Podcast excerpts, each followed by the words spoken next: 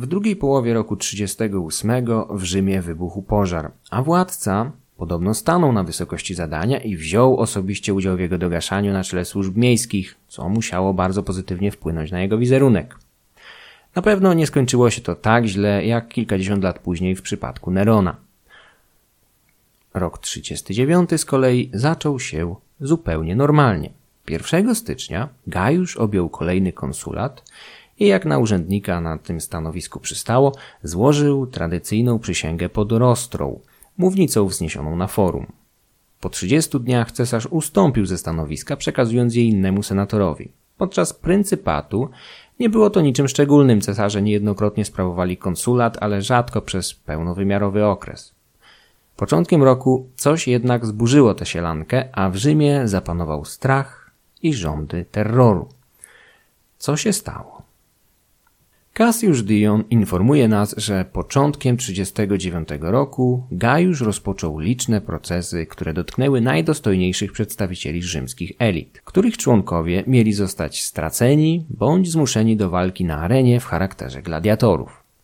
Autor nie podaje jednak konkretnych powodów, dla jakich rzymskie elity zostały poddane tej czystce, którą Cassius określa jako rzeź. Dowiadujemy się jedynie, że część skazanych była już wcześniej sądzona za podobne przewinienia przez Tyberiusza, stąd możemy z dużym prawdopodobieństwem wywnioskować, że ta czystka nie dotknęła stronników Gemellusa ani osób odpowiedzialnych za wygnanie i śmierć matki oraz braci Gajusza. Nie wiemy, czy ludzie ci zostali ponownie postawieni w stan oskarżenia za zadawnione przewinienia, czy też może pomimo ułaskawienia i przerwania tamtych procesów wytyczonych jeszcze przez poprzedni reżim, znowu popełnili podobne wykroczenia. Mgłę niepewności nieznacznie rozwiewa przemowa Gajusza, jaką w lutym 1939 roku uraczył senatorów podczas jednej ze swoich ostatnich wizyt w budynku kurii. Cesarz zaczął przemowę nietypowo, od pochwał pod adresem Tyberiusza, którego dotychczas raczej wykpiwał, wpisując się w nastawienie rzymskich elit. Po niespodziewanych wyrazach uznania dla pamięci zmarłego przed dwoma laty poprzednika, Gajusz przeszedł do ostrego ataku na zebranych senatorów, zarzucając im zaprzaństwo, zdradę i hipokryzję. W cudowny sposób znalazł pod ręką akta dawnych spraw procesowych, jakie miał spalić jeszcze na początku swoich rządów. Dotyczyły one zarówno dochodzeń toczonych wobec członków jego rodziny, jak i innych procesów toczonych z inicjatywy Sejana oraz Tyberiusza.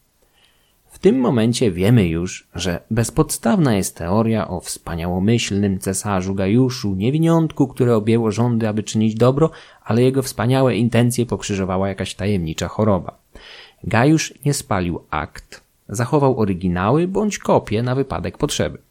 Potrzeba taka właśnie się pojawiła, a cesarz, machając dokumentami w dłoniach, rugał bez opamiętania senatorów zebranych w kurii.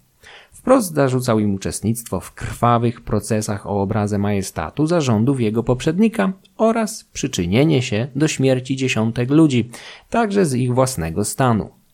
Punktował ich współudział w zbieraniu fałszywych dowodów oraz głosowaniach nad karą śmierci dla oskarżonych. Na koniec oświadczył im, że nie ma dla żadnego z nich przyjaźni ani współczucia. Wszyscy oni go nienawidzą, śmierci mu życzą, zabiją go, jeżeli tylko będą mogli. Jak przekazuje nam Cassius Dion. Gajusz wprost zapowiedział, że weźmie sobie do serca radę Tyberiusza, który sugerował mu, aby nie starał się przypodobać elitom i nie przejmował się tym, co o nim mówią. Jeżeli bowiem będzie postępował w ten sposób, zaskarbi sobie co prawda czczą chwałę, ale prędko zginie w jakimś zamachu. Poruszony cesarz zakończył swoją tyradę i opuścił kurię, zostawiając zdruzgotanych senatorów samym sobie. Jego przemowa, jedna z ostatnich, jakimi zaszczycił kurię, jest także najdobitniejszym w historii Imperium Romanum przypadkiem, w którym cesarz oficjalnie odciął się od senatu, mieszając z błotem jego członków. Oktawian August również gardził senatorami i zdawał sobie sprawę, że zabiją go przy najbliższej okoliczności. Stąd przez jakiś czas tuż po zdobyciu władzy pojawiał się w kurii z pancerzem pod togą w otoczeniu gwardii. Senatorów przyjmował pojedynczo i tylko po przeszukaniu ich przez ochroniarzy. Po jakimś czasie zrezygnował z takich praktyk. Stanowisko Tyberiusza wobec elit jest nam już znane. Warto zauważyć, że nie zawsze wynikało ono z przerośniętej paranoi drugiego cesarza. Senat bowiem w jednej ze swoich uchwał zagwarantować miał Tyberiuszowi prawo do uczestnictwa w obradach w otoczeniu ochrony i na specjalnym podwyższeniu oddzielającym go od pozostałych obradujących. Był to zresztą wniosek samych senatorów. Wkrótce podobna uchwała miała zostać wydana dla uspokojenia wściekłości Gajusza. Oficjalne zerwanie z Senatem, fala procesów i czystka nastąpiły najprawdopodobniej na skutek wykrycia szeroko zakrojonego wśród elit spisku na życie pryncepsa. Świadczą o tym pośrednio następujące po przemowie cesarza uchwały Senatu, w których wyraził on dziękczynienie władcy oraz dawał mu prawo do publicznej owacji, przywileju, który można było zdobyć po odniesieniu jakiegoś mniejszego zwycięstwa nad wrogami. Tymi tajemniczymi wrogami musieli być więc spiskowcy, którzy w tym samym czasie umierali na arenie bądź popełniali przymusowe samobójstwa. Czy spisek był rzeczywisty, czy też urojony, nigdy nie dowiemy się z całą pewnością. Cassius Dion oraz Swetoniusz nie pomogą nam w tym, gdyż z wielką trudnością przychodzi im przyznanie, że w ogóle jakikolwiek spisek, poza tym ostatnim, skutecznym, na życie Gajusza miał miejsce. Jeden z późniejszych cesarzy, Domicjan, trzeźwo zauważył kiedyś, że ludzie nigdy nie wierzą cesarzowi, gdy ten oznajmia, że wykrył spisek na swoje życie. No chyba, że poniósł śmierć w wyniku takiego sprzysiężenia, to wtedy mu wierzą. Przeciwko Gajuszowi zorganizowano prawdopodobnie cztery spiski. Wszystkie podczas dwóch ostatnich lat rządów, stąd nie wliczam do nich zdarzeń, jakie mogły mieć miejsce podczas jego choroby, a które mogły mieć na celu wyniesienie na tron Gemellusa. Po opuszczeniu kurii Gajusz oficjalnie wznowił procesy o obrazę majestatu, każąc przy okazji wyryć swoją decyzję na brązowych tablicach na widoku publicznym. Od tej chwili nawet niewolnicy i wyzwoleńcy mogli śmiało donosić na swoich właścicieli oraz dawnych panów, licząc na wolność bądź część majątku skazanych. Poza chęcią wzbogacenia bądź uzyskania wolności, motorem donosicielstwa była również chęć pozbycia się wrogów politycznych lub też zwyczajne karierowiczostwo. Historia zatoczyła koło i Rzymianie znowu znaleźli się w czasach Sejana, który to, zdaniem Tacyta, rozdysponowywał wyższe urzędy, w tym konsulaty, ale w zamian domagał się współudziału w swoich zbrodniach, czyli najczęściej składania fałszywych oskarżeń bądź zeznań. Domniemany spisek na życie władcy musiał mu z impetem uświadomić kruchość jego pozycji. Większa część jego rodziny już nie żyła, nie miał pełnoletnich potomków, a senat czyhał na jego życie. Nie mógł też liczyć na oparcie w armii, gdyż nigdy nie służył w wojsku, nie mówiąc już o dowodzeniu legionami. Cieszył się na pewno jakąś popularnością z tytułu bycia synem Germanika, ale należy mieć na uwadze, że w legionach z 39 roku nie stacjonowali już prawie żadni żołnierze, którzy mogli pamiętać jego ojca bądź małego Gajusza paradującego w śmiesznym, szytym na miarę uniformie legionisty. Służba w armii trwała wówczas 20 lat. Jedynie centurionowie czasami zostawali w wojsku dłużej. Germanik umarł w Syrii 20 lat temu, a nadreńskie legiony opuścił przecież jeszcze wcześniej. Gajusz był człowiekiem o dużej inteligencji i przebiegłości, co podkreślają nawet nieprzychylni mu kronikarze, stąd musiał zdawać sobie sprawę z niebezpieczeństwa, jakie mu groziło. Cieszył się co prawda popularnością wśród ludu, dla którego ciągle organizował jakieś igrzyska i prezenty, ale to nie mogło wystarczyć. Szybko podjął więc kroki, aby zbudować sobie silniejszą pozycję poza Rzymem. Najprostszą drogą byłby w takim wypadku jakiś sukces militarny. W trzecim roku rządów rozkazem cesarza legiony naddunajskie oraz iberyjskie zaczynają marsz do Galii. Sam władca również udaje się nad Ren, a opis jego wędrówki i następujących po nim zdarzeń jest kolejnym przykładem braku wiarygodności Swetoniusza. Zdaniem pisarza, Gajusz miał podróżować ze swoją świtą po Italii, gdy nagle, ni stąd, ni zowąd, zorientował się, że w jego germańskiej gwardii przybocznej jest już sporo wakatów i należałoby je jakoś uzupełnić. Nie zważając więc na przeciwności, cesarz razem z całą świtą rusza więc czym prędzej z Italii nad Ren, aby tam nałapać jakichś Germanów, po drodze pędząc jak szalony tak szybko, że mieszkańcy mijanych miast zostają zobowiązani do polewania wodą dróg, jakie przebywa jego kolumna, aby proch i pył nie przeszkadzały jej. Po przybyciu nad Ren Gajusz zaczyna... No właśnie nagłą i niespodziewaną czystkę. Najpierw morduje dowódcę lokalnych legionów Lentulusa Getulika, rzekomo zazdroszcząc mu popularności wśród żołnierzy. Potem nakazuje stracenie Marka Emiliusza Lepidusa, byłego męża swojej zmarłej siostry Julii. Masowo zwalnia starszych dowódców i centurionów pod pozorem zaniedbań, a potem karze dodatkowo dowódców tych oddziałów nadciągających z nad Dunaju oraz z Hiszpanii, którzy jego zdaniem celowo zwlekali z przybyciem na czas. Jakby tego było mało, zsyła na wygnanie dwie pozostałe przy życiu siostry, Liwillę oraz Agrypinę młodszą, matkę małego Nerona pod pozorem udziału w spisku na jego życie. W tym momencie należałoby zadać sobie jedno pytanie. Co tutaj się w ogóle wydarzyło? Powyższy fragment jest skrótem tekstu Swetoniusza, który, jeżeli czytany dosłownie, brzmi jak jakaś kompletna farsa i chaos ale ten sam autor w żywocie kolejnego cesarza, Klaudiusza, wspomina ponownie o wydarzeniach z lata 39 roku. Wspomina tam jedynie ogólnikowo, w jednym zdaniu, o sprzysiężeniu zorganizowanym przez Getulika oraz Marka Emiliusza Lepidusa, wykrytym w porę przez cesarza. Dlaczego w jednym żywocie Swetoniusz przedstawia historię jako farsę potwierdzającą obłąkanie władcy, a w drugiej po prostu jako czystkę zrealizowaną w efekcie wykrycia kolejnego spisku? Któż go tam wie? Z wydarzeń roku 39 wyłania nam się następująca sytuacja. W kilka miesięcy po pierwszym spisku Gajusz dowiaduje się o kolejnym, znacznie poważniejszym sprzysiężeniu zawiązanym pomiędzy jego szwagrem a dowódcą najważniejszej w tym okresie armii cesarstwa, legionów nadreńskich. Zdając sobie sprawę z wagi elementu zaskoczenia, Gajusz najprawdopodobniej rusza tak szybko jak to tylko możliwe na czele pretorianów i części swojego dworu, aby znaleźć się w kwaterze Getulika i zneutralizować generała, zanim ten zorientuje się w przebiegu sytuacji.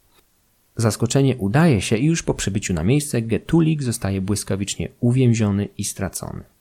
Ten sam los spotyka również Marka Lepidusa, a siostry cesarza zostają skazane na wygnanie. Dlaczego akurat te osoby? Marek Lepidus, jak wspominałem w poprzednim odcinku, będąc mężem ukochanej siostry cesarza, mógł widzieć się w roli jego ewentualnego następcy. Ale po jej śmierci musiał spaść dość nisko w gronie potencjalnych kandydatów do purpury.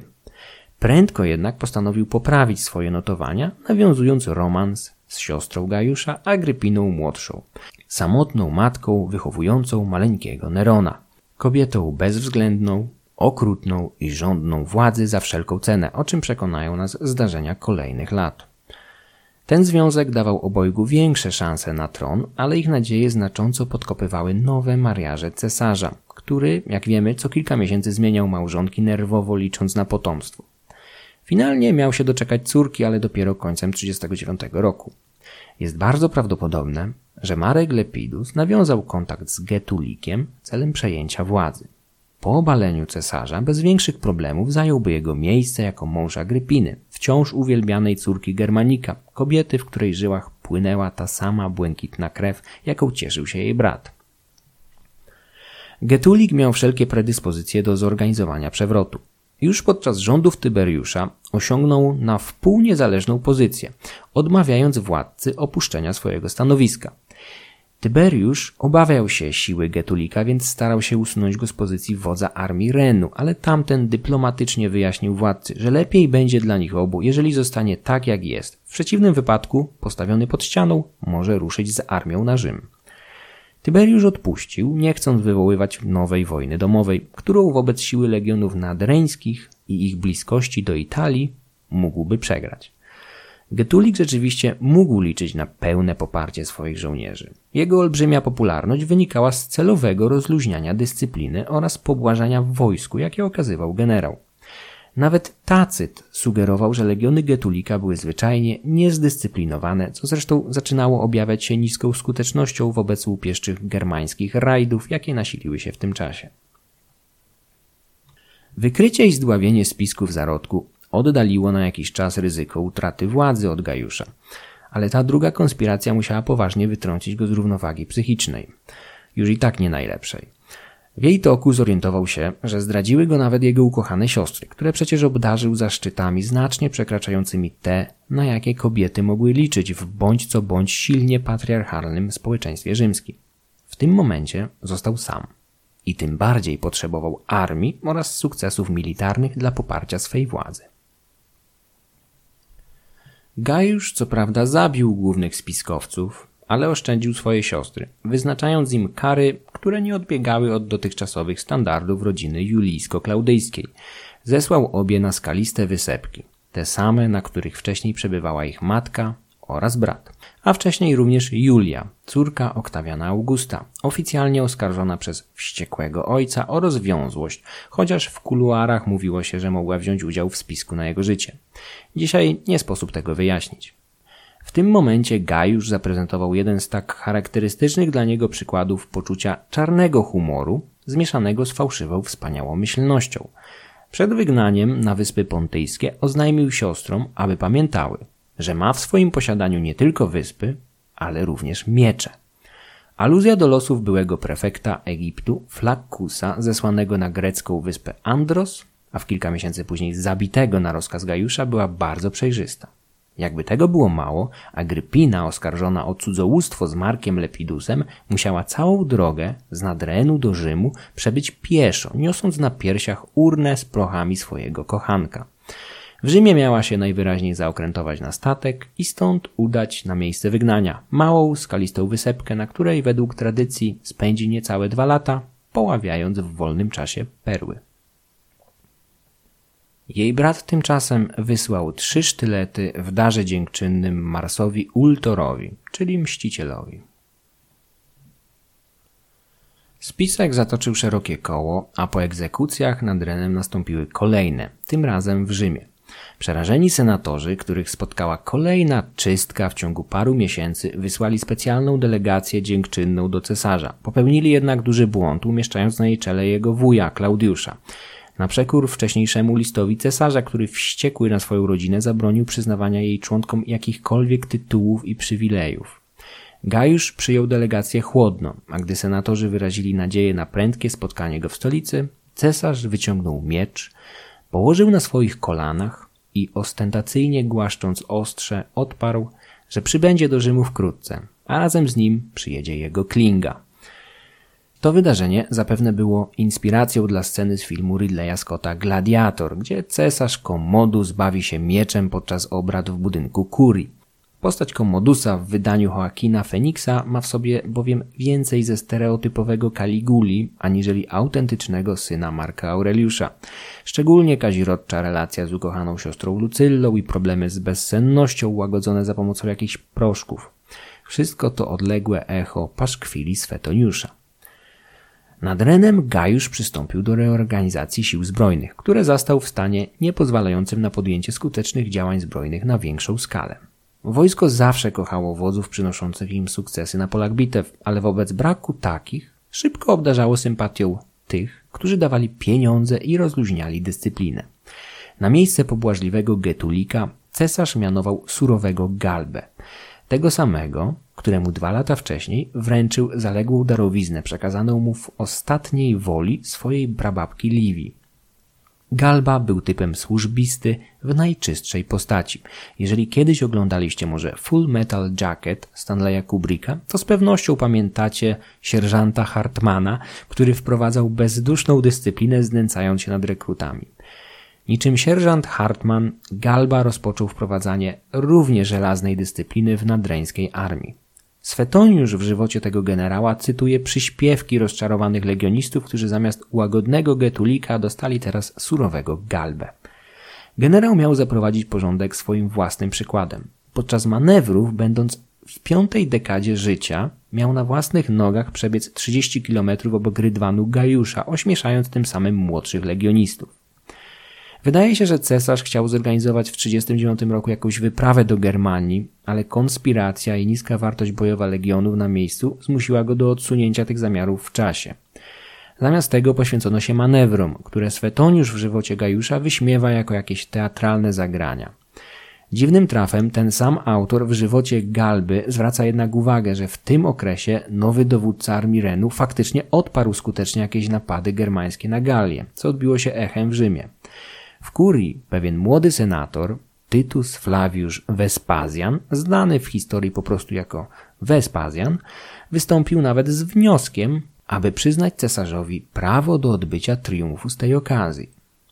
Vespasian jest kolejnym obok Klaudiusza, Galby, Nerona i Witeliusza człowiekiem z otoczenia Gajusza, który w przyszłości zasiądzie na tronie Cezarów. Jego dorobek zapanowania tego cesarza nie wygląda jednak szczególnie okazale. Pojawia się jako bohater trzech historii. W pierwszej z nich, jeszcze jako edyl Rzymu, czyli urzędnik odpowiedzialny m.in. za porządek i bezpieczeństwo w stolicy, popada w niełaskę Gajusza, który podczas wizyty w mieście dostrzega zabłocone ulice, których od dawna nikt nie sprzątał. Cesarz w przypływie charakterystycznej dla siebie złośliwości nakazuje żołnierzom nazbierać trochę tego błota, a następnie ubabrać nim białą togę Edyla Vespazjana. Ponownie Vespazjan pojawi się składając dwa wnioski. Pierwszy, wspomniany wcześniej o prawo do odbycia triumfu dla cesarza jako uznanie dla jego z całą pewnością przesadzonych zasług w Galii.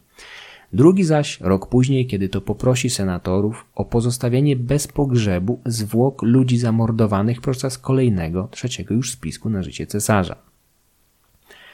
Wespazjan, niewiele starszy od Gajusza, jest typowym przykładem oportunistycznego podejścia ówczesnych elit, których przedstawiciele znaleźli się w oku eskalującego cyklonu, jaki rozpętał się pomiędzy pryncepsem a senatem. W 1939 roku nie udało się zorganizować poważniejszej ekspedycji do Germanii. W źródłach znajdujemy poszlaki, że zorganizowano jakieś krótkie wypady na drugą stronę Renu, które mogły mieć na celu doprowadzenie zaniedbanych legionów do sprawności bojowej oraz zdobycie podstaw do budowania przez Gajusza prestiżu na rzymskim podwórku. W tym też roku, po wygnaniu sióstr, władca jeszcze w Galii rozpoczął wielką aukcję pozostawionego przez nie majątku mebli, biżuterii, niewolników.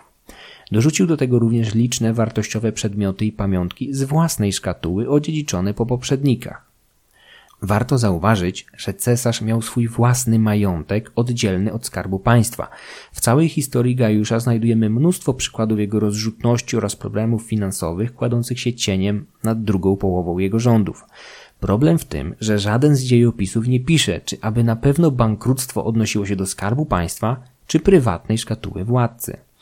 Po upadku Gajusza jego następca błyskawicznie będzie w stanie wypłacić olbrzymie honoraria pretorianom, według źródeł dziesięciokrotnie przekraczające podobne prezenty uczynione im przez Gajusza.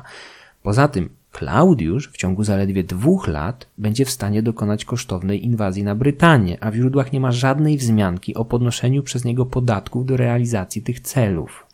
Informacje tego typu znajdziemy dopiero po tak zwanym roku czterech cesarzy – gdy w 69 roku Vespazjan odziedziczy tron razem z olbrzymią dziurą w skarbcu pozostawioną przez Nerona, jego trzech efemerycznych następców oraz wojnę domową w Italii. To dopiero zmusi Vespazjana do zaciśnięcia polityki fiskalnej. Klaudiusz zaś w 41 roku wydaje się nie mieć podobnych problemów. Jeżeli wierzyć dziejopisom, w trzecim roku panowania miała się Gajuszowi skończyć nadwyżka pozostawiona przez zapobiegliwego Tyberiusza. Jakby nie patrzeć na wiarygodność informacji pozostawionych przez nich, każdy z nich podkreśla, że najpóźniej w trzecim roku panowania Gajusz faktycznie zaczął cierpieć na problemy finansowe, które skłoniły go do wszczynania procesów sądowych celem przejęcia majątków ich właścicieli bądź zmuszania poszczególnych członków elity do nabywania wystawianych na aukcję części majątku cesarza. Aukcje nabrały największego rozmachu właśnie w Galii, ale w źródłach znajdujemy informację, że wielu przedstawicieli lokalnych elit z chęcią wydawało pieniądze na pamiątki z cesarskiego majątku. Pewien miejscowy arystokrata próbował nawet przekupić jednego z cesarskich wyzwoleńców zawrotną sumą 200 tysięcy zestercji, aby tylko dostać się na ucztę organizowaną przez Gajusza. Gdy wyzwoleniec poinformował o tej ofercie władcę, ten kazał przekazać galijskiemu arystokracie, że jeżeli kupi na aukcji coś o podobnej wartości, to on sam osobiście zaprosi go na ucztę. Naturalnie były też mniej przyjemne historie, jak ta o senatorze, który zasnął podczas jednej z aukcji cesarskich gladiatorów. Gajusz zauważył ten fakt, a następnie pouczył przewodzącego licytacji, aby brał każde kiwnięcie śpiącego senatora za ofertę w aukcji. Po przebudzeniu na nieszczęśnika czekał gladiator, za którego zobowiązał się przez sen uiścić zawrotne 9 milionów sestercji, sumę, która uczyniła go bankrutem. Wszystkie licytacje wydają się mieć charakter prywatny, to jest dotyczyć osobistego majątku władcy. Stąd teorie o bankructwie państwa mogą być mocno przesadzone. Gajusz permanentnie reperował swój własny budżet kosztem arystokracji. Bardzo często obdarzał jakąś osobę niewiele znaczącym przywilejem bądź prezentem, po czym nalegał na znacznie cenniejszy rewanż. W 1939 roku Gajusz dokonał zaskakującej aneksji Mauretanii, obejmującej śródziemnomorskie wybrzeża dzisiejszej Algierii i Maroka. Wcielenie tego kraju do imperium odbyło się niemal bez ofiar. Jedynym, który stracił życie, był mauretański władca Ptolemeusz, członek dawnej dynastii panującej w Egipcie. Matka Ptolemeusza, Kleopatra Selene, była córką tej słynnej Kleopatry i Marka Antoniusza, co czyniło króla Mauretanii bardzo dalekim krewnym rzymskiego cesarza, który jak wiemy był prawnukiem zarówno Marka Antoniusza, jak Oktawiana Augusta. Gajusz miał zaprosić Ptolemeusza do Rzymu, a następnie zdradziecko go zamordować. Powody zabójstwa i aneksji kraju nie są do końca wyjaśnione. Cassius Dion napisał o tym fakcie cały rozdział, ale ta część jego pracy nieszczęśliwie zaginęła. Popularnym wyjaśnieniem jest zawiść w stosunku do Ptolemeusza, ale nowsi badacze sugerują, że powodem mogła być chęć usprawnienia obrony dotychczasowych rzymskich posiadłości. Rzymianie od podboju Kartaginy zarządzali terenem od wschodniej Algierii do Egiptu włącznie. W latach 30. I wieku nasiliły się najazdy berberyjskich nomadów, które skłoniły Gajusza do anektowania sąsiedniego państwa oraz przejęcia przez cesarza kontroli nad dotychczasowymi prowincjami granicznymi w prowincji Afryce, czyli dzisiejszej Tunezji i Libii. Innymi słowy, ta część prowincji przeszła z rąk senatu do rąk cesarza. Co ciekawe, te zmiany administracyjne nie zostały zarzucone przez jego następców, którzy najwyraźniej uznali je za rozsądne posunięcia. Wcielenie Mauretanii nie obyło się bez późniejszych reperkusji i rozruchów wewnątrz samej prowincji, ale zdołano je szybko uśmierzyć. Nie znamy szczegółów całej operacji i rzeczywistych motywacji. Pozostają nam więc jedynie domniemania. Stąd nie wiemy, czy zabójstwo Ptolemeusza było konieczne, czy też może dałoby się go uniknąć. W końcu królowi można było zaproponować ofertę nie do odrzucenia w postaci jakichś wartościowych majątków ziemskich i dożywotniego utrzymania na koszt imperium w zamian za abdykację. Z królem Mauretanii wiąże się jeszcze jedna historia, która wyśmienicie prezentuje nam upiorne i bardzo nieszablonowe poczucie humoru Gajusza. Cesarz uwielbiał przedstawienia cyrkowe i teatralne, stąd nikogo nie zdziwiła jego wściekłość, gdy jeden z widzów głośno i ordynarnie zaczął zakłócać występ jednego z jego ulubionych aktorów. Gajusz nakazał czym prędzej przyprowadzić delikwenta do siebie i po chwili wręczył przerażonemu obywatelowi specjalną misję za karę. Hałaśliwy widz otrzymał zapieczętowane pismo adresowane do króla Mauretanii, które miał mu zawieść osobiście, nie wiedząc co zawiera. Miał udać się na misję natychmiast. Możemy jedynie wyobrażać sobie niepokój, czy nawet przerażenie tego człowieka, który musiał wieść tajne pismo z Rzymu aż do dzisiejszego Maroka, nie wiedząc, czy w środku nie znajduje się rozkaz jego egzekucji. Po wielotygodniowej wyprawie Pechowiec wręczył list Ptolemeuszowi, który po jego otwarciu znalazł krótką wiadomość od Gajusza. Człowiekowi, którego do ciebie przysłałem, nie czyń ani dobra, ani zła. Hałaśliwy widz ocalił więc głowę, dostając przy tym upiorną nauczkę, która przeszła w Rzymie do legendy. Jest to mój ulubiony dowcip z repertuaru Gajusza i w dużej mierze rozumiem jego wściekłość. Sam również wysłałbym na karną ekspedycję gdzieś do Algierii, Maroka czy innej Mauretanii. Wszystkich tych buraków ćwikłowych zakłócających seanse w kinie, teatrze czy nagrywających koncerty swoimi smartfonami. Z widzami zakłócającymi pokazy cesarzowi wiąże się również inna, słynniejsza nawet anegdota, kiedy to wściekły na rzymski motłoch skandujący w cyrku coś nie w smak jego gustom, Gajusz miał wyrazić życzenie, aby Rzym miał kiedyś jedną głowę, tak aby łatwo można było uśmiercić całe miasto jednym cięciem. Ten cytat jest bardzo w stylu cesarza. Prawdopodobnie wyrwał mu się w stanie jakże łatwej i częstej u niego irytacji, o której wspominał Pliniusz Starszy i inni.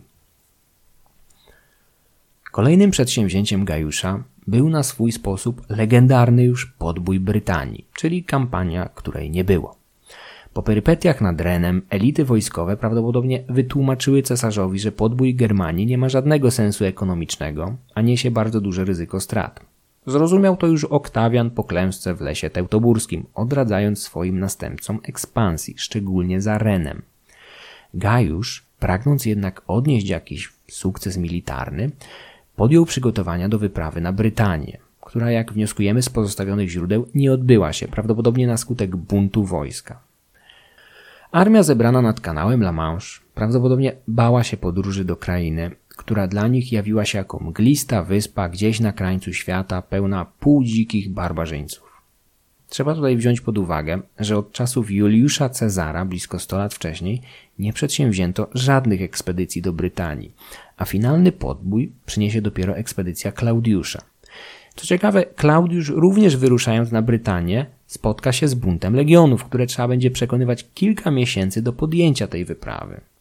Gajusz prawdopodobnie nie miał wystarczająco dużo cierpliwości i zwyczajnie odpuścił przedsięwzięcie. Swetoniusz pisze, że cesarz miał kazać legionistom zbierać muszle na plaży, a następnie wręczył je im w darze razem z niewielką nagrodą pieniężną, kąśliwie życząc im, aby odeszli szczęśliwi i bogaci z takimi łupami.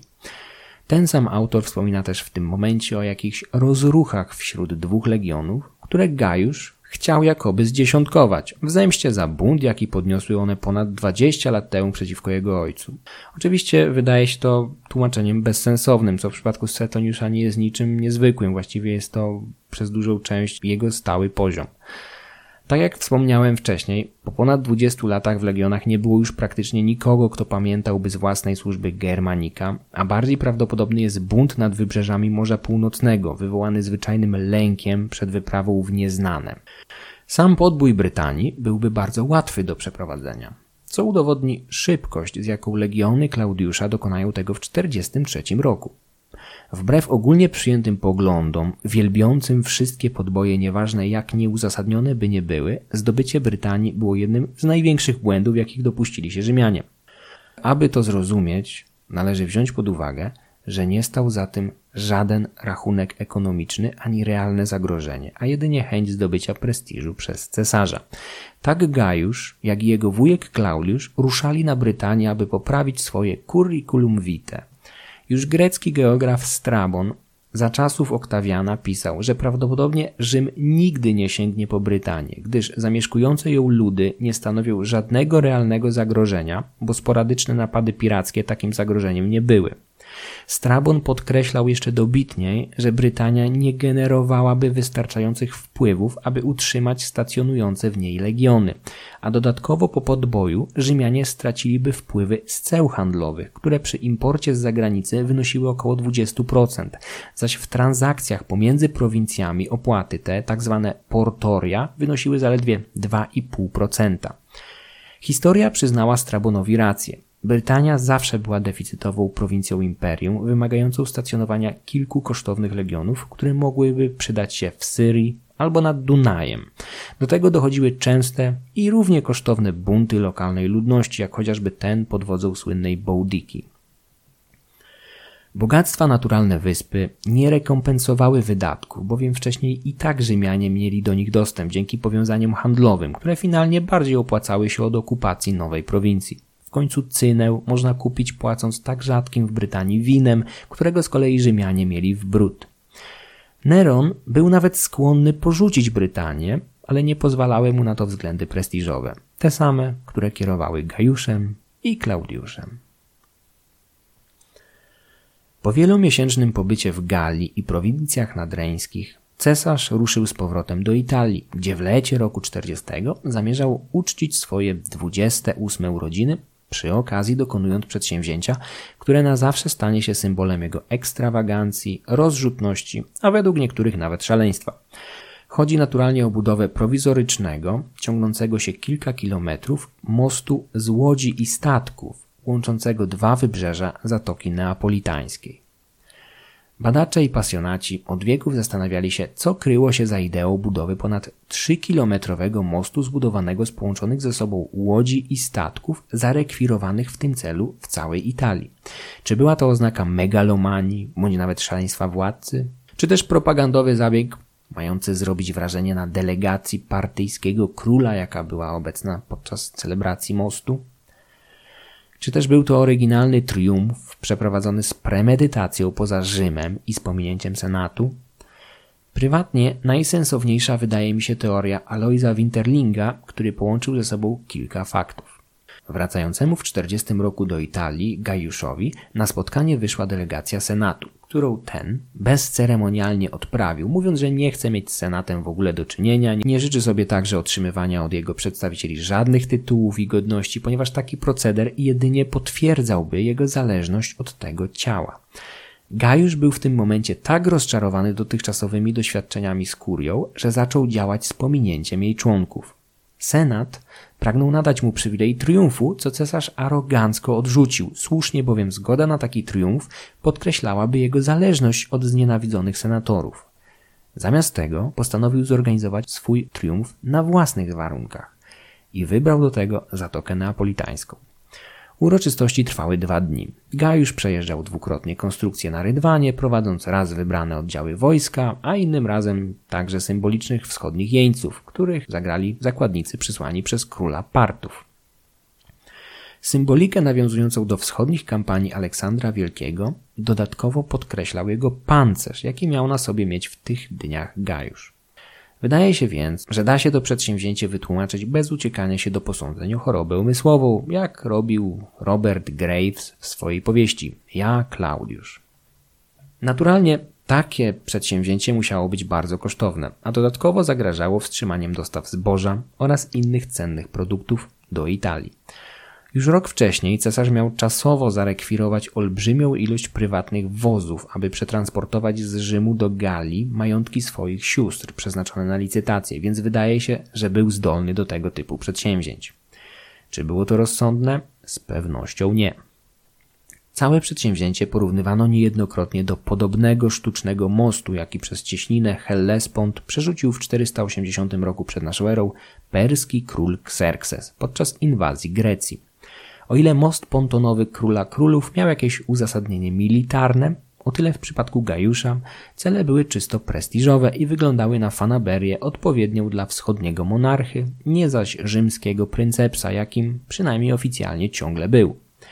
W rzeczywistości rządy Gajusza były już wtedy otwartą monarchią, którą dodatkowo zaczęły wzmacniać jego aspiracje do boskości. We wszystkich źródłach Przewija się motyw boskiej natury, jaką przypisywał sobie i swojej najbliższej rodzinie, szczególnie siostrze Julii, młody cesarz. Przekonanie o boskości Gajusza było od niemal dwóch tysięcy lat głównym argumentem za jego chorobą umysłową. Pisze o tym zarówno Filon, Józef Flaviusz, Swetoniusz, jak i Cassius Dion. Inne jest jednak natężenie tych oskarżeń, bowiem pisarze żydowscy, wychowani w monoteizmie, przykładają zdecydowanie większą wagę właśnie do oskarżeń o próbę dorównania bogom przez cesarza, podczas gdy rzymscy arystokraci raczej uderzają głównie w jego okrucieństwo wobec elit i ogólnie nonszalancką rozrzutność oraz ekstrawagancję. Czytając Filona, natrafiłem jednak na jeden interesujący moment, gdzie żydowski filozof pisał wprost, że Gajusz od pewnego momentu zaczął pokazywać się publicznie w przebraniach istot nadprzyrodzonych. Najpierw byli to bohaterowie i półbogowie pokroju Herkulesa, a z czasem również sami bogowie jak Jowisz czy nawet Wenus. To zdanie jest o tyle interesujące, że wyraźnie wskazuje stopniowość procederu. Gajusz nie obudził się nagle krzycząc wszemi wobec, że jest Jowiszem. Zaczął od skromniejszego Herkulesa, a potem po kolei wspinał się po kolejnych szczeblach. To nie wygląda na działanie szaleńca, ale raczej kogoś, kto testując otoczenie stara się sprawdzić, na ile może sobie pozwolić, a jednocześnie oswaja to otoczenie z przekraczaniem kolejnych granic. Wydaje się, że eskalacja procederu ubóstwiania Gajusza nastąpiła w ostatnich dwóch latach, kiedy to pojawiał się czasami na ulicach Rzymu w przebraniu któregoś z bogów, dzierżąc w dłoni jakieś atrybuty pokroju Kaduceusza, gdy był Merkurym, Maczugi jako Herkules czy Pioruna Jowisza. Swetoniusz donosił, że Gajusz nakazał nawet połączyć świątynię Kastora i Poluksa z pałacem na Palatynie, co o dziwo znajduje mocne poszlaki potwierdzające w archeologii. Pracujący na forum Romanum archeolodzy faktycznie odkryli pozostałości takiego połączenia pochodzące gdzieś z lat 40. I wieku, co zgadzałoby się z panowaniem Gajusza. Cesarz miał niejednokrotnie przesiadywać w świątyni Jowisza, niby to szepcząc mu coś do ucha, a także słuchając uważnie słów przekazywanych mu przez posąg Boga.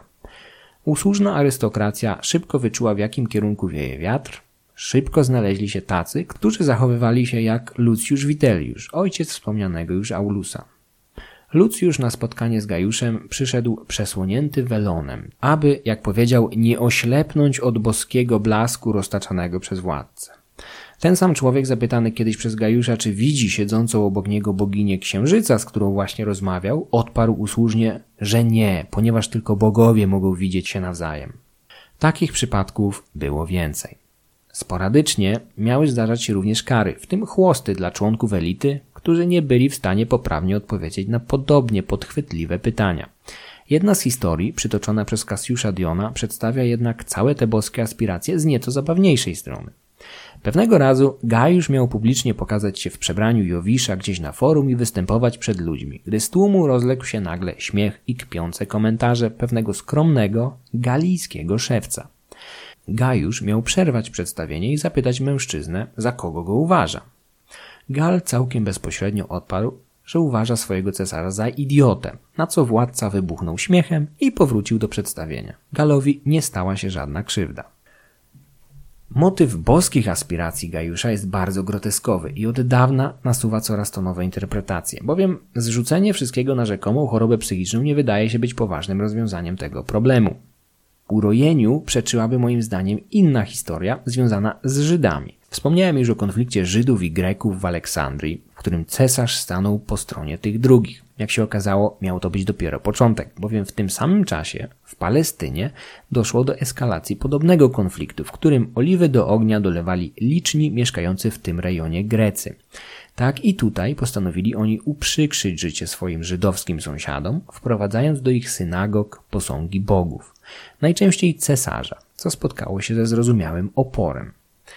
Gajusz znowu stanął po stronie Greków, wysyłając nawet specjalny rozkaz do ówczesnego namiestnika Syrii Petroniusza, aby przygotował wielką podobiznę urzędującego cesarza, a następnie siłą wprowadził ją do świątyni jerozolimskiej. Petroniusz rozumiał, że to przedsięwzięcie skończy się niewyobrażalnym rozlewem krwi i starał się zwlekać z wykonaniem rozkazu jak najdłużej, co potwierdzają chwalące go żydowscy pisarze Filon i Józef Flawiusz. Ostatecznie do eskalacji konfliktu nie doszło, a wersje rozwoju zdarzeń są co najmniej dwie. Według Filona Petroniusz miał opóźniać wykonanie polecenia, udając przesadną troskę o detale, a w międzyczasie Gajusz domyślił się, że prawdopodobnie namiestnik został przekupiony przez Żydów, bądź stwierdził, że gra nie jest warta świeczki i odwołał swój rozkaz, zachowując urazę do Petroniusza. Józef Flawiusz przedstawia bardziej udramatyzowaną wersję zdarzeń, w której to Herod Agryppa uprasza cesarza, aby odwołał rozkaz. Co ten robi, jednocześnie jednak podejrzewając Petroniusza o celowe zwlekanie po przyjęciu żydowskich pieniędzy, wysyła temu ostatniemu rozkaz samobójstwa. Na szczęście dla Petroniusza rozkaz dochodzi do niego z opóźnieniem, wcześniej bowiem zostaje już poinformowany o śmierci cesarza. Podejrzewam, że mniej dramatyczna wersja Filona może być bliższa rzeczywistości. Być może otoczenie przekonało Gajusza do zmiany decyzji, tłumacząc mu, jak wiele kosztów może przynieść tak pochopne przedsięwzięcie. Możliwe, że Gajusz, aby zachować twarz, przekonał Heroda Agryppę, aby ten publicznie poprosił go o odwołanie rozkazu, dzięki czemu cała sprawa wyglądałaby na wspaniałomyślne przychylenie się do prośby jednego z klientów.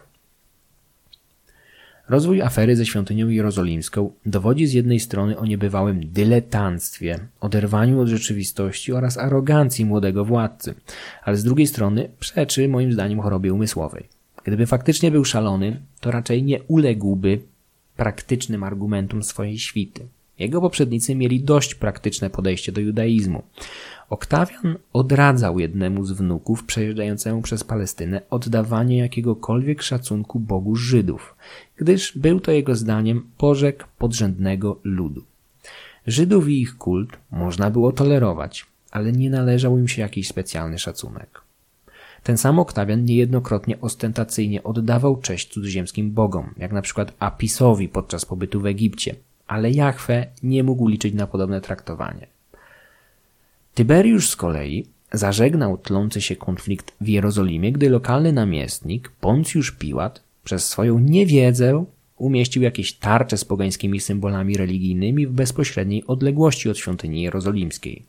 Żydowskie prośby o usunięcie bluźnierczych symboli zignorował, więc elita Jerozolimy złożyła skargę do cesarza. Tyberiusz błyskawicznie nakazał usunięcie symboli, rozumiejąc, że nie ma sensu prowokować zamieszek z powodu takiej głupoty.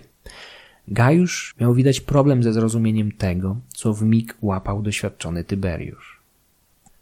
Zamykając temat boskości żyjącego władcy, warto zwrócić uwagę, że o ile w Rzymie temat ten był wówczas kontrowersyjny, o tyle we wschodniej części basenu Morza Śródziemnego ubóstwienie władców było standardową procedurą monarchii helenistycznych. Po dwóch wykrytych zamachach na swoje życie, Gajusz oddalił ze swojego otoczenia wszystkich rzymskich arystokratów, pozostawiając jedynie zaufanych wyzwoleńców, niewolników, sporadycznie ekwitów oraz zagranicznych królów, szczególnie Heroda Agryppę oraz Antiocha IV z Komageny. Cassius Dion nazwie tych dwóch ostatnich wychowawcami tyrana, widząc ich rękę w zmianie stylu władzy Gajusza. Być może widząc, że jego pozycja jako pseudomonarchy w pseudorepublice jest zbyt niepewna, cesarz postanowił przekroczyć kolejny próg i wprowadzić w imperium tradycyjną monarchię w stylu wschodnim. Idąc w tym kierunku, rozpoczął stopniowe oswajanie Rzymian ze swoim nowym, boskim statusem oraz absolutnym charakterem rządów. Nad Tybrem dotychczas ubóstwiano wybitne jednostki, ale jedynie po ich śmierci. Ale z drugiej strony, cóż niesłychanego w ubóstwieniu cesarza za jego życia, skoro przecież i tak prędzej czy później trzeba to będzie prawdopodobnie zrobić? Samo zaakceptowanie boskiego statusu władcy oznaczało pogodzenie się z jego dominacją oraz polityką, stąd składane niejednokrotnie przez cesarzy wnioski o ubóstwienie zmarłych członków rodziny bądź poprzedników miały na celu sprawdzenie poziomu akceptacji dla nowego reżimu. Gdy Antoninus Pius w 138 roku będzie forsował ubóstwienie zmarłego Hadriana, w opornym senacie zagrozi abdykacją w razie odmowy. Senatorzy, jak wiemy, Hadriana zbytnio nie lubili. Argument potencjalnej abdykacji Antoninusa Piusa przekona senatorów. Jest jednak dalece wątpliwe, czy sam Antoninus wierzył w rzeczywistą boskość Hadriana. Raczej pragnął zapewnić człowiekowi, któremu zawdzięczał tron, dobre imię po śmierci. W końcu, gdyby Hadrian na pewno był Bogiem, to czy nie zapewniłby sobie tego tytułu samodzielnie poprzez jakiś cud albo inne objawienie? Po co Antoninusowi był jakiś senat? Podobnie nie wszystkie pretensje do boskości zgłaszane przez Gajusza świadczyły o jego absolutnym przekonaniu co do bycia równym Jowiszowi czy Wenus.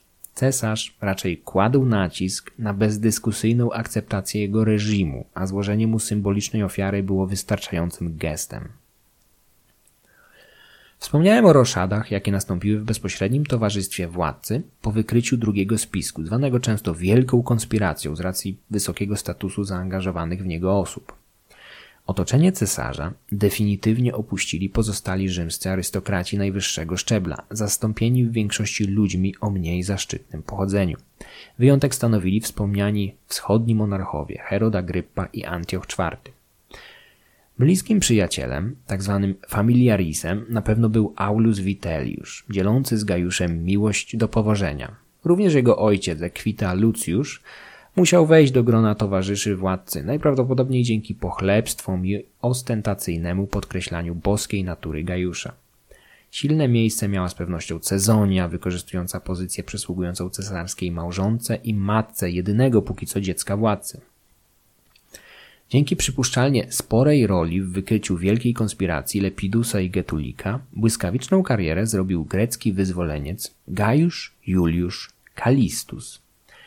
Człowiek ten szybko stał się prawdziwą, szarą eminencją na Palatynie, dorabiając się dzięki swoim wpływom oraz licznym łapówkom olbrzymiej fortuny. Córka Kalistusa, Nimfidia, miała być rzekomo kochanką samego cesarza. Prawdopodobnie obaj mężczyźni poznali się dzięki niej, bądź sprytny ojciec sam wykorzystał w tym celu wdzięki córki. W 68 roku, tuż po śmierci Nerona, syn tejże Nimfidii, niejaki Nimfidiusz Sabinus, będzie starał się zdobyć tron, rozgłaszając wszemi wobec, że jest synem Gajusza. Zamiast poparcia na swojej drodze spotka miecze pretorianów i gwałtowną śmierć. Gajusz spędzał mnóstwo czasu z aleksandryjskim Grekiem Helikonem, wspomnianym przeze mnie przy okazji omawiania delegacji Filona. Helikon towarzyszył cesarzowi podczas ćwiczeń gimnastycznych, kąpieli oraz obiadów. Wielokrotnie czuwał przy Gajuszu, gdy ten udawał się na spoczynek, co zrodziło pomówienia o homoseksualną naturę ich relacji, ale bardziej prawdopodobne wydaje się, że Helikon, z racji pokładanego w nim zaufania, był kimś na miarę prywatnego ochroniarza. Kolejnym stałym członkiem cesarskiej świty był Protogenes, prawdopodobnie syn niewolników, który według Kasiusza Diona miał towarzyszyć cesarzowi w jego najokrutniejszych przedsięwzięciach. Protogenes miał ciągle nosić ze sobą dwie księgi o wiele mówiących tytułach Miecz i Sztylet. Osobiście miał przyznać, że w każdej znajdują się imiona wszystkich wrogów cesarza zapisywane na bieżąco. Końcu, skoro Senat liczył 600 członków, trudno byłoby zapamiętać tyle nazwisk i kar stosownych do przewinien. Karami oczywiście były te wspomniane tytuły książek, miecz oraz sztylet. Pewnego razu, gdy Protogenes wszedł do Senatu, od razu otoczyła go grupa przymilnych arystokratów, zasypujących go pozdrowieniami dla niego oraz cesarza. Przyjaciel Gajusza zatrzymał się przy jednym senatorze i z wyrzutem zapytał go, jak może go pozdrawiać, skoro tak bardzo nienawidzi cesarza. Na sali błyskawicznie zapadła cisza, a wokół nieszczęsnego senatora zrobiło się pusto. Po chwili jego koledzy sami rzucili się na niego, zakłuwając go na śmierć rylcami noszonymi do pisania w woskowych tabliczkach. Według Kasiusza Diona senatorowie chcąc przypodobać się nieobecnemu w tym momencie władcy, w zapale wywlekli na zewnątrz kurii i rozszarpali ciało swojego kolegi. Uniżoność senatorów chyba prześcignęła nawet oczekiwania Gajusza. W końcowej fazie jego rządów mieli nawet pod jego nieobecność padać plackiem przed pustym tronem, dziękując mu za jakieś wyimaginowane osiągnięcia. Niektórzy z nich z radością całowali sandały nadstawiane im przez władcę do ust w tych rzadkich sytuacjach, gdy pojawiał się w kurii. Było to o tyle uwłaczające, że wchodzenie w sandałach do budynku Senatu było samo w sobie obraźliwe, gdyż to obuwie elity nosiły raczej we własnym domu. Wszystkich wyżej wymienionych stronników i przyjaciół cesarza zdaniem Józefa Flawiusza łączyło jedno. Szczera nienawiść dla swojego mocodawcy, którego po prostu się bali. Gajusz nie miał przyjaciół, chociaż gdyby jakichś miał, to na tym stanowisku byłoby to coś niesłychanego. Prawdopodobnie tylko Oktawian August, pomimo sprawowania tak alienującej funkcji, mógł się pochwalić chociaż jednym szczerym przyjacielem, Markiem Agryppą. Poza wyżej wymienionymi cywilami, Gajusz z pewnością utrzymywał bliskie stosunki z dwoma prefektami pretorianów, Markiem Klemencem oraz Lucjuszem Stellą. Gwardia często, choć nie zawsze, miała dwóch dowódców. Jeden zajmował się bezpośrednim dowodzeniem żołnierzami, a drugi, najczęściej z większym doświadczeniem administracyjnym bądź prawnym, miał na głowie biurokrację. Cesarz był zmuszony do dbania o relacje z prefektami, ponieważ to właśnie gwardia gwarantowała mu panowanie nad Rzymem oraz Italią. W ostatnich miesiącach jego rządów wykryto i udaremniono kolejny, trzeci już spisek na życie cesarza, po którym zgotował on kolejną czystkę swoim wrogom, prawdziwym i domniemanym. Pretorianie byli mu w tym niezbędni, ale oprócz torturowania i mordowania oponentów, znalazł dla nich również inne zajęcia. Po kolejnym spisku Gajusz jeszcze mocniej odciął się od arystokratów i nawet ekwitów, przenosząc więcej uprawnień administracyjnych do własnego pałacu oraz baraków pretorianów. Gwardziści od teraz zaczęli być odpowiedzialni za pobieranie podatków, grzywien i innych kar finansowych. Można się jedynie domyślać, jak kosmiczne możliwości do wzbogacenia dawały im te nowe funkcje. Pomimo tego oczywiście dalej służyli jako specjaliści od brudnej roboty. W takiej właśnie funkcji pojawia się na scenie jeden z najtragiczniejszych bohaterów całej tej historii, trybun pretorianów Cassius Herea.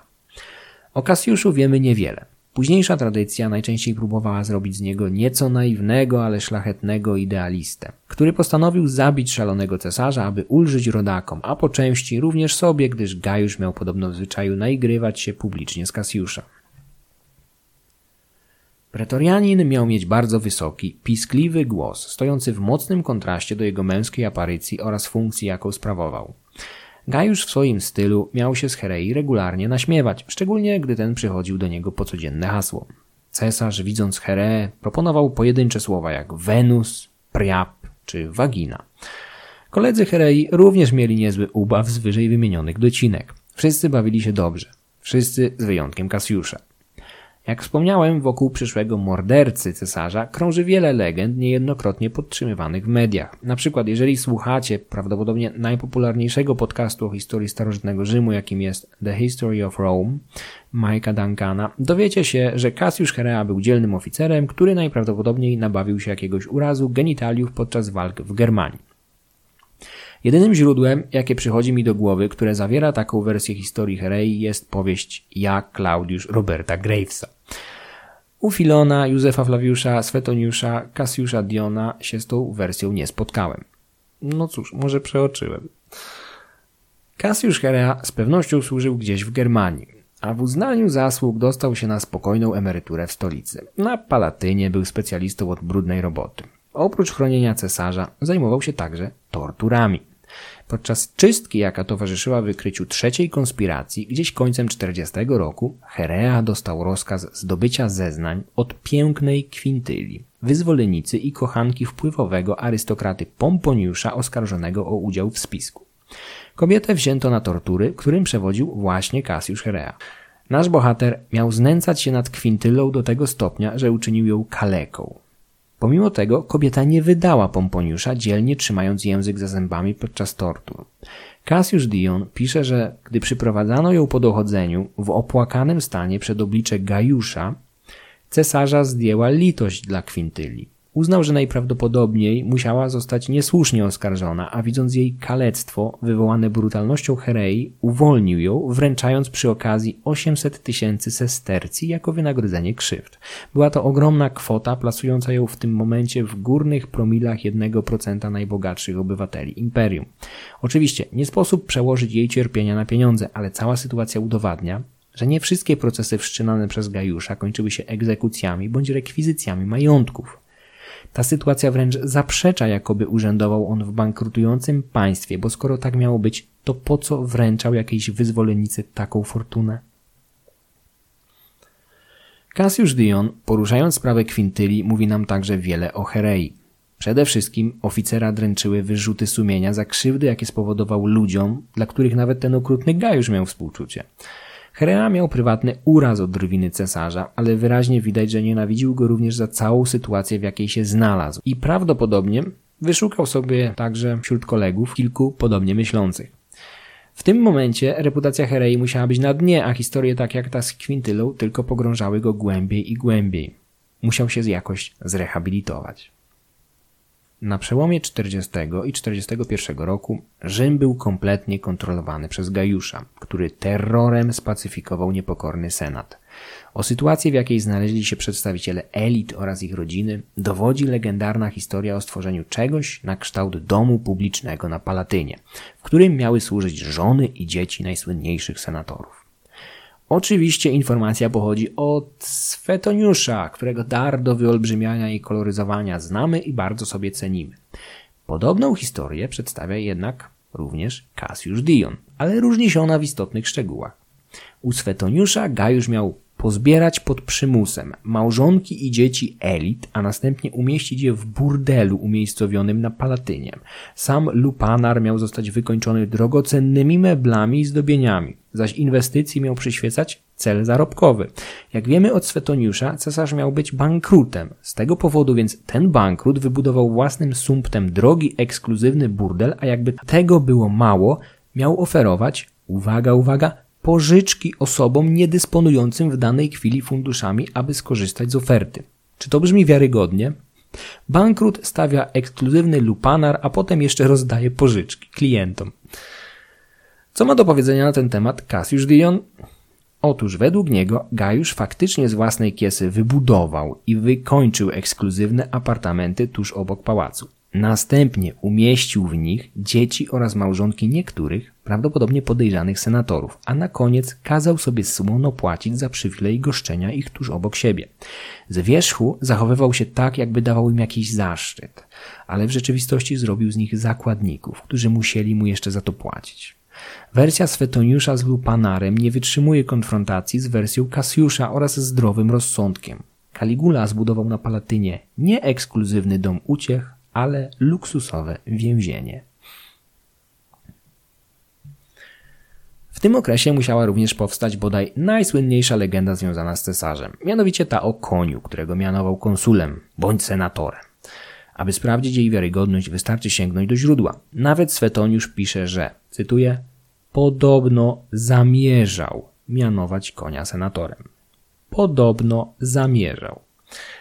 Cassius Dion wspomina coś o konsulacie, ale też w trybie przypuszczającym. Ulubiony koń Gajusza, Incitatus, czyli chyży bądź szybki, miał podobno mieszkać w prywatnym pałacu i jadać ze złotej zastawy.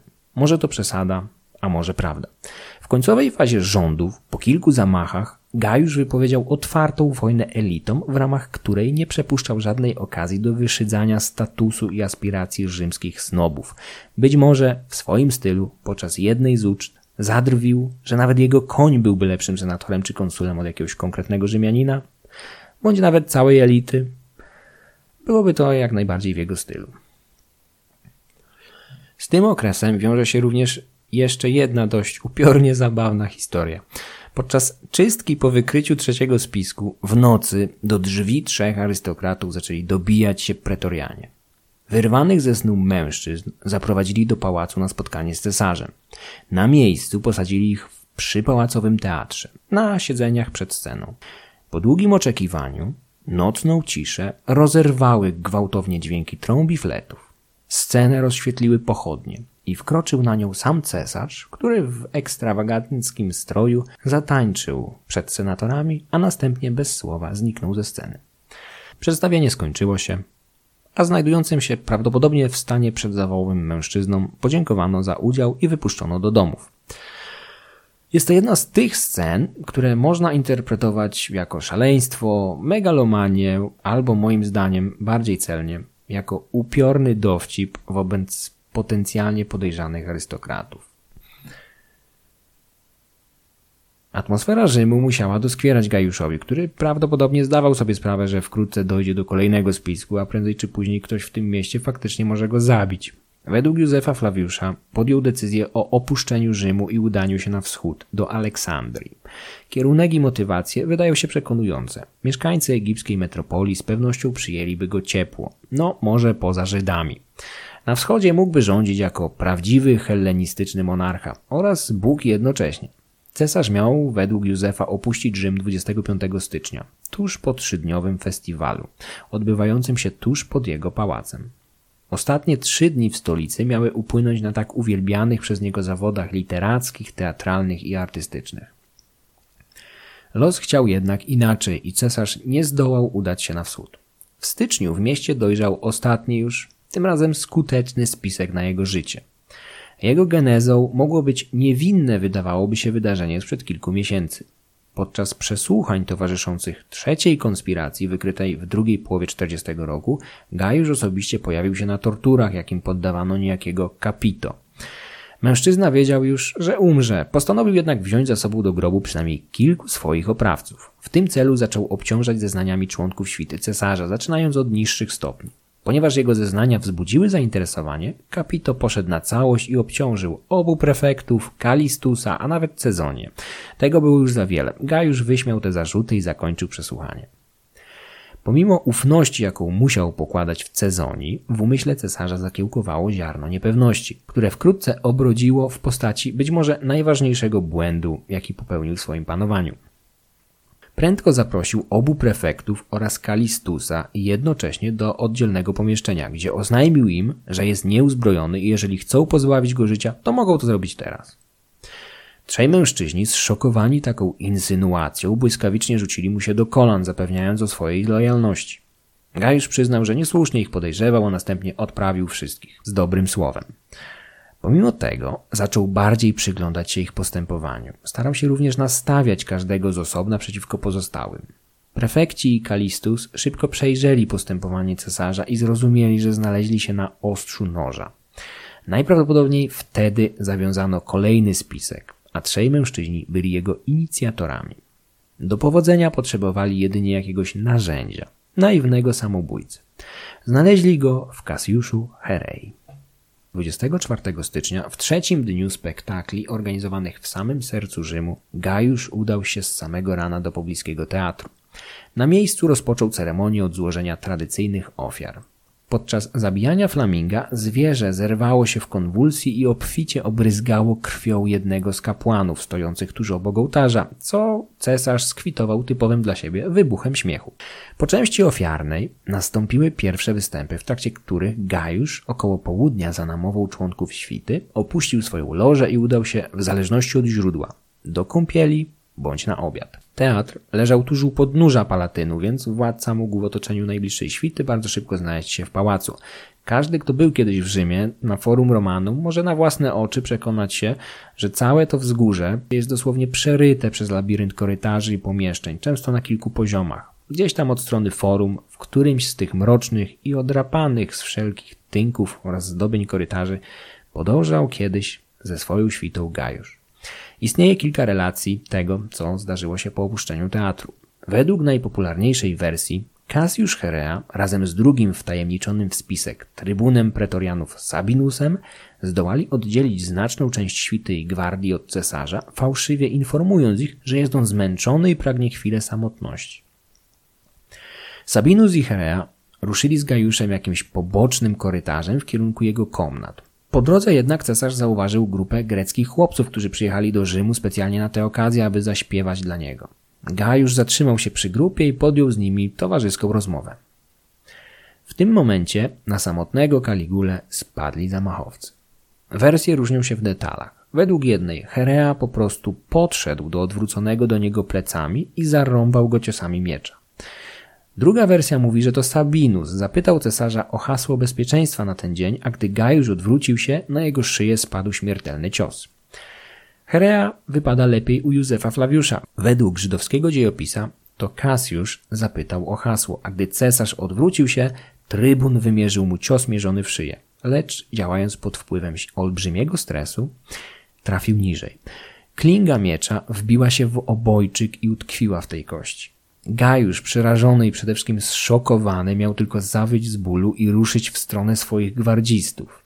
Sabinus z Hereą dopadli go jednak i przewrócili. Po chwili mieli do nich dobiec kolejni zamachowcy i razem, kopiąc i dzigając cesarza, zamordowali go. Podobno jego ostatnimi słowami, cedzonymi przez usta w tych finalnych momentach świadomości przerywanych olbrzymim bólem, były Ja żyję. Nawet w tym momencie Gajusz chciał zaprzeczyć rzeczywistości. Po zmaltretowaniu zwłok i upewnieniu się o jego śmierci, Herea i Sabinus uciekli z miejsca zbrodni w kierunku miasta. Herea po drodze dał sygnał kolejnemu trybunowi Lupusowi, aby zamordował żonę i córkę cesarza. Lupus wykonał polecenie bez zastanowienia. Cezonia miała przyjąć swój los dzielnie. Rozumiejąc nieuchronność śmierci, sama nadstawiła szyję pod miecz. Córeczkę Gajusza, Julię, zabito niczym królika. Lupus chwycił dziecko za nóżki, a następnie roztrzaskał jej głowę o ścianę.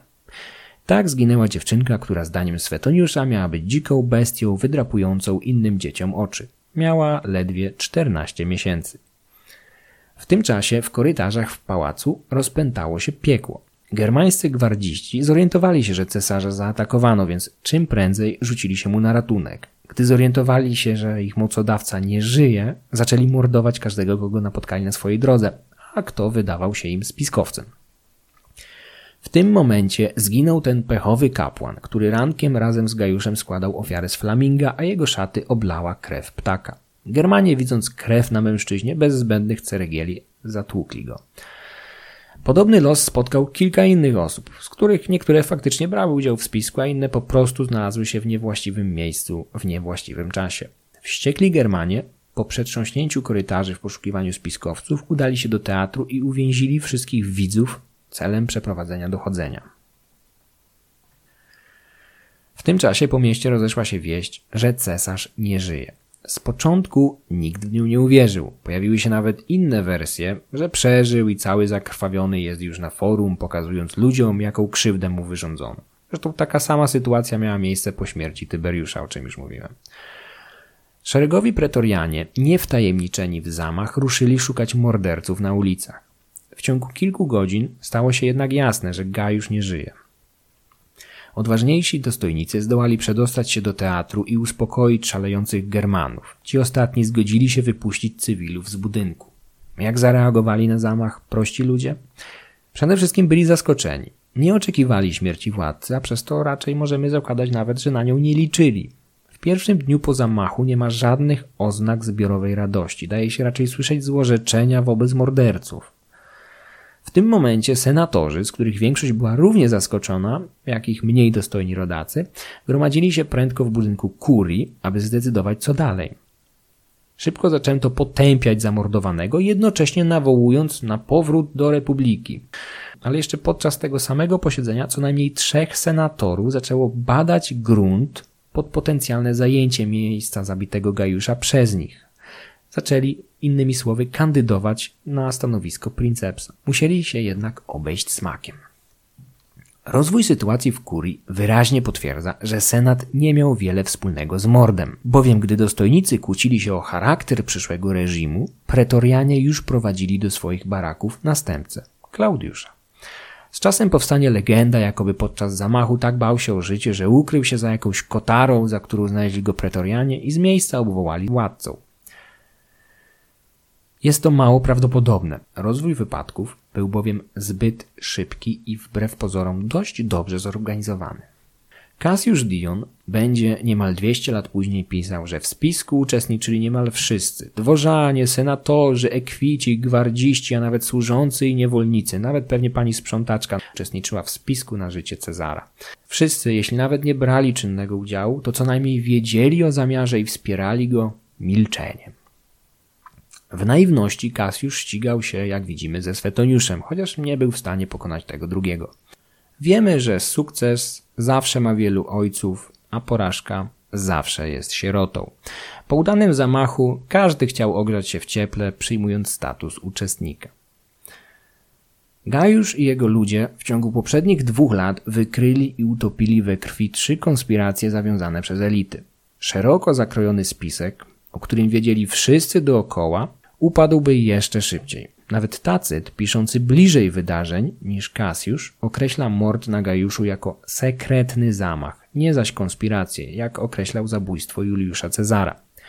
Aby zrozumieć, kto był mózgiem całej operacji, trzeba uświadomić sobie, kto na niej zyskał.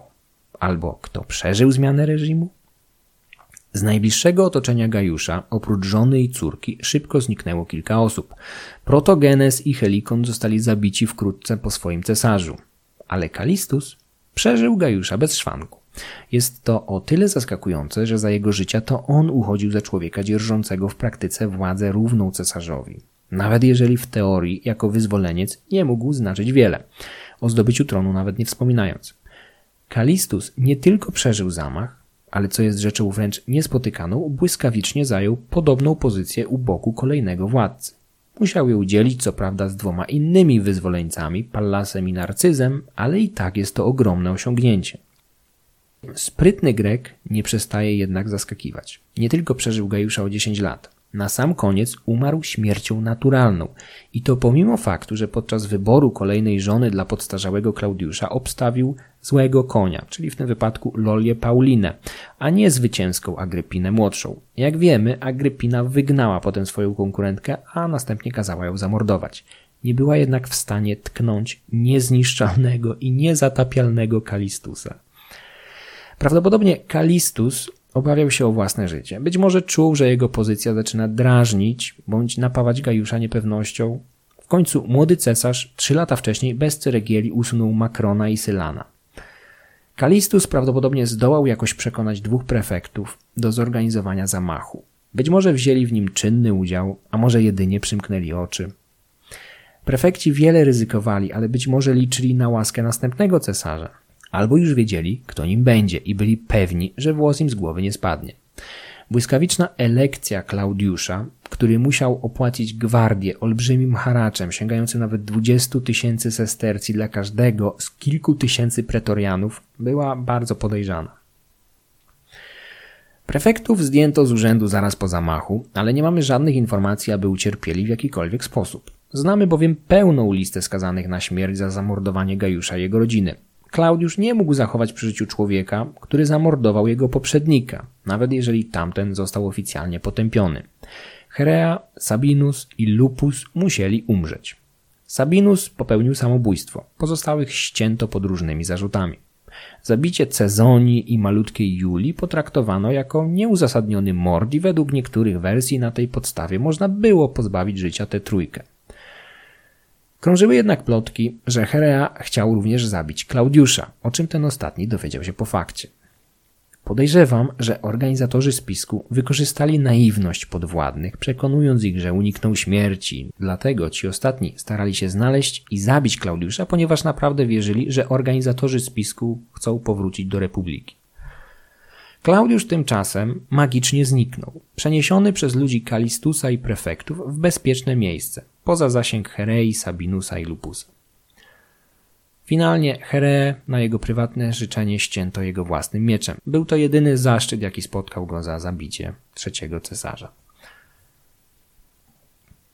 Sprofanowane zwłoki Gajusza finalnie spalono. Następnie zostały złożone przez jego siostry w mauzoleum Augusta, gdzie spoczęły obok pozostałej części rodziny. Cesarza potępiono po śmierci, a jego pamięć wymazano, przynajmniej oficjalnie z rekordów. Słynne damnatio memorie tak w tym, jak i we wszystkich innych przypadkach, zawiodło na całej linii. Wiemy, że Gajusz istniał, chociaż nie mogę powiedzieć, abyśmy wiedzieli o nim sporo. Na pewno nie tyle, ile byśmy chcieli. A jaki los spotkał jego szczątki? W 410 roku Rzym zdobyli Wizygoci Alaryka, a wszechobecny chaos i rabunek nie ominął grobowca rodziny julijsko-klaudyjskiej. Prochy pierwszych cesarzy i ich rodzin, w tym Gajusza, rozrzucili najeźdźcy szukający cennych skarbów, a w końcu urna z prochami cesarza musiała być przedmiotem wartościowym. Ocena życia i panowania niesławnego Kaliguli może się teraz wydać nieco trudniejsza. Portret, jaki wyłania się z tych strzępków informacji, jakimi dysponujemy, ma znacznie więcej odcieni aniżeli sucha notka na Wikipedii informująca, że był po prostu szalony. Czy jego rządy można jednak uznać za udane? Z pewnością nie. Widzę kilka powodów, które mogą tłumaczyć porażkę trzeciego cesarza Rzymu. Przede wszystkim był młody i niedoświadczony. Cała jego kariera wygląda jak przykład człowieka, którego wsadzono do rozpędzonego bolidu Formuły 1, nie do końca tłumacząc mu, jak ma hamować czy wchodzić w zakręty, tak aby nie zabić siebie i ludzi dookoła. Wychowywał się w skrajnie toksycznej atmosferze, widząc na własne oczy śmierć dużej części rodziny zamordowanej rękami innego przedstawiciela tej rodziny. Pomimo licznych talentów nie odziedziczył taktu i cierpliwości, jakie charakteryzowały chociażby Oktawiana Augusta.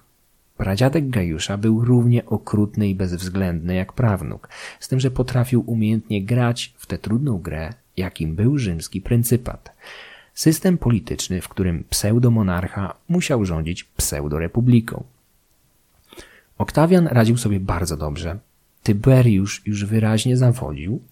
Gajuszowi wystarczyło cierpliwości na rok, góra dwa. Gdy zorientował się, że uśmiechy i zadowalanie wszystkich dookoła nie uchroni go przed spiskami, przeszedł do kontrofensywy. Z tym, że w jego postępowaniu widać wyraźnie, że była to kontrofensywa improwizowana, nieprzemyślana, napędzana strachem i ciągłą niepewnością. Od razu wytoczył najcięższe działa, przekreślając jakąkolwiek szansę na iluzoryczne chociażby porozumienie. Oktawian na jego miejscu po każdym spisku przelałby masę krwi, jednocześnie uśmiechając się i kłaniając pozostałym senatorom. I liczyłby, że mu odpuszczą, chociaż na jakiś czas. Tyberiusz przelewał krew już bez uśmiechania się, a Gajusz przelewał i grzmiał, że to dopiero początek przelewania. Urząd cesarza w Rzymie był niewiarygodnie ważną funkcją, sprowadzoną w mediach do banału dzięki hollywoodzkim wizjom obłąkanych i okrutnych władców Rzymu walczących ze szlachetnymi senatorami. Dobry princeps miał być stabilizatorem systemu. Miał dzierżyć najwyższą władzę i dzięki temu zapobiegać wojnom domowym oraz działać jako ostateczny arbiter pomiędzy konfliktami różnych warstw społecznych. Gajusz nie potrafił ustabilizować systemu, a i arbitrem, jak wiemy z przykładu aleksandryjskich Żydów, był miernym.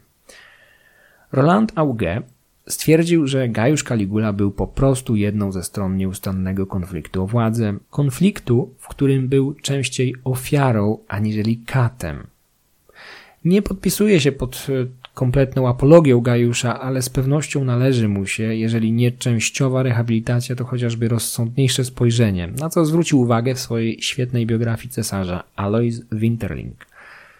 Zwłaszcza, że z dostępnej nam dzisiaj wiedzy wyraźnie wynika, że narracja chociażby Swetoniusza czy Kasiusza Diona w wielu miejscach jest wobec Gajusza skrajnie nieuczciwa i przejaskrawiona. Opracowanie i narracja Michał Kuźniar,